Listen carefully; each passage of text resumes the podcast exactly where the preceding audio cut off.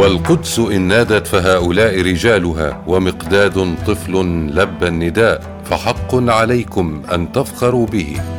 هذول السطرين بنطبقن علي وواجبات عليكم. أنا لبيت النداء وإنتو لازم تفخروا فيه. من وأنا صغير كل الصفات فيا بتحكي إنه الشعب الفلسطيني على موعد مع بطل.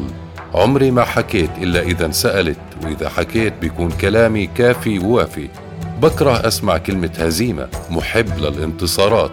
في خبر عاجل شفته على التلفزيون وسمعته بلش يتكرر كثير. الخبر كان يحكي عن إعدام فتاة فلسطينية وبنص النهار كثرة الأخبار إنه بدها تنفذ عملية وبدهم يخلعوا حجابها. وأخبار كثيرة مثلها. وتكررت هاي الأخبار إنه نساء فلسطين وأطفالها بنعدموا على أبواب المسجد الأقصى بدم بارد.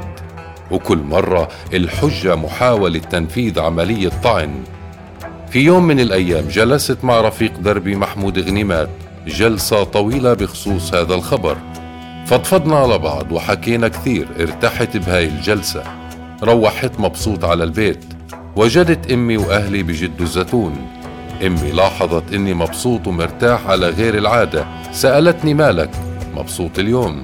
حكيت لها بكرة راح تنبسطي أكثر وتنبسطوا كلكم. بكرة أحلى يوم بحياتي.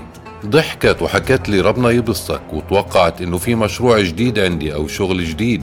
بالفعل كان في مشروع والمشروع شهادة وثأر.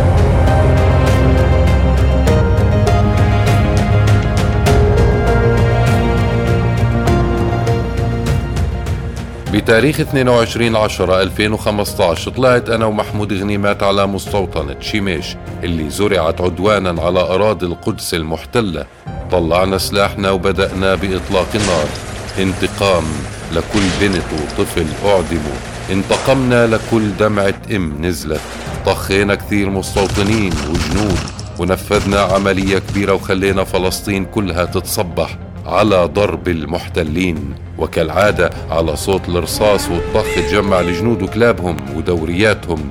حوصرنا وبدأ إطلاق النار علينا من كل مكان. ما كنا نعرف من وين بيجي الرصاص. محمود غنيمات أصيب ووقع أمامي. بين إنه استشهد بنفس اللحظة وأنا انطخيت وبلشت أعد رصاصات بجسمي. واحدة اثنتان ثلاثة عشرة ثلاثة عشر. بالفعل 13 رصاصة اخترقت جسدي واحدة بذان اليمين وواحدة بالرقبة قطعت الشريان الرئيسي وواحدة بالظهر وواحدة بالصدر ورصاص اخترق جسدي وخرج من الجهة الثانية. شظايا بكل جسدي كمية الدم اللي تحت بتوحي إنه في أكثر من مصاب. ضليت أتنفس وكان مبين علي إنه لسه في نفس وفي روح وهون قوات الاحتلال بلش إرهابها.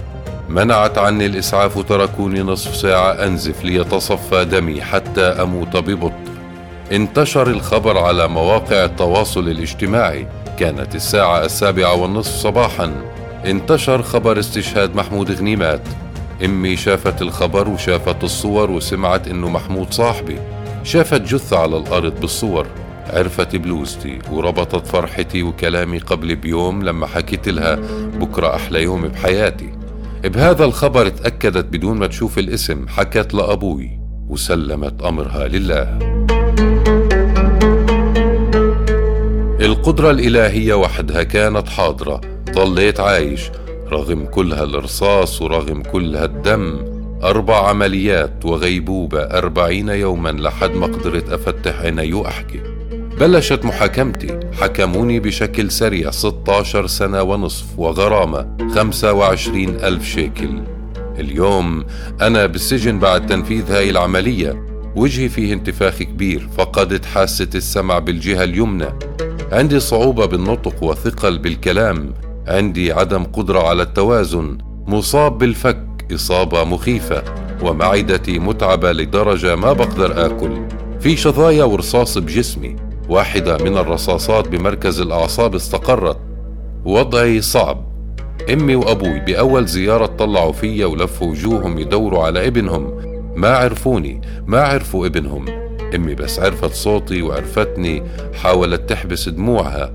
عضت بأسنانها على يدها وكتمت وجعها وصرختها. وجع وصرخة لو تقدر لهن يطلعن راح يهزن السجن.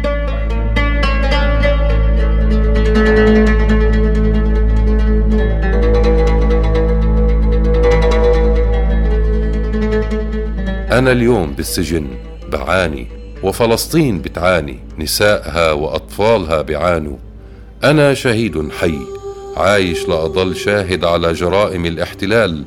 عايش لكن عشان أحكي لك حط حالك محلي وتخيل حالك محلي. للي ما بيعرفني أنا اسمي مقداد محمد الحيح. مواليد 1995 من صوريف الخليل. القدس نادتني ولبيت النداء. وأنا دوري واجبي أناديكم فلبوا نداء الكرامة والتضحية ففلسطين غالية وأمامها بتهون كل التضحيات